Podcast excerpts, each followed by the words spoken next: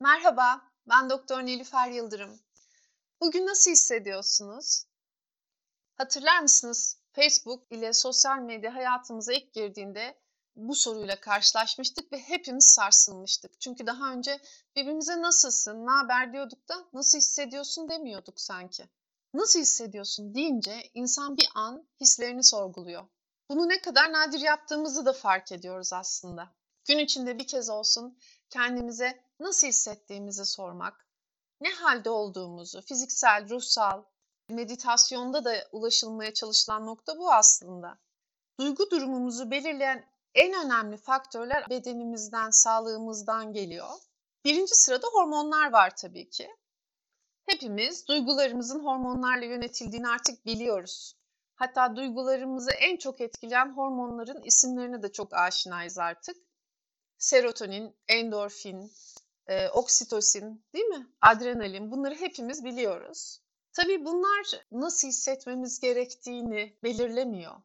Öyle hissettiğimizde o hormonlar da devreye giriyor.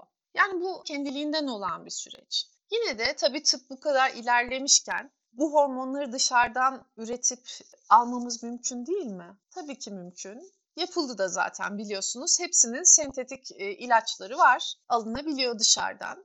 Ama tabii tıpta şöyle bir kural vardır. E, kullanmadığınız her organ, her doku ya da her fonksiyon zamanla geriler, fonksiyonunu kaybeder, işlerliğini kaybeder e, ve sonunda da artık işlemez hale gelir. Siz dışarıdan bir hormon aldığınızda vücut onu üretmek için daha fazla zahmete katlanmak zorunda değil. Ve bu fonksiyonunu yerine getirebilmek için e, gerekli mekanizmaları çalışır durumda tutmak zorunda değil. Bunun için belli bir enerji harcamak zorunda değil. Bütün bunların sonunda evet o hormona kavuşuyorsunuz ama o hormona ulaşmak için gerekli olan hiçbir mekanizmayı kullanmamış oluyorsunuz ve bu geçici bir iyilik hali. Yani derler ya taşıma suyla değirmen dönmez. Duygularımızı etkileyen bir başka faktör de bedensel algımız ve bedensel halimiz, fiziksel sağlığımız. Ağrılarla uğraşırken, bir yerimiz kaşınırken, halsizlik, uykusuzluk hissederken ne kadar iyi düşünmeye çalışırsak çalışalım o iyilik haline ulaşmamız çok zor görünüyor. Tüm bu iyi hissetme serüveninde bir miktar kanıta ihtiyacınız var. Eğer bedeninizden bu kanıtı alamazsanız yaptığınız her şey biraz kendinizi kandırmak gibi oluyor. O yüzden duygularınızı etkileyecek bir diğer faktör de bedensel sağlığınız.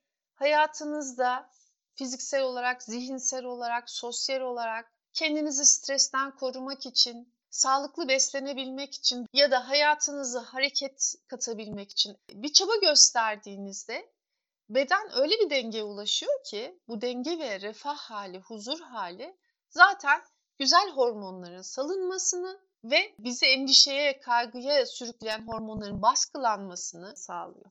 Bugünlük bu kadar. Sade düşünün, sağlıcakla kalın.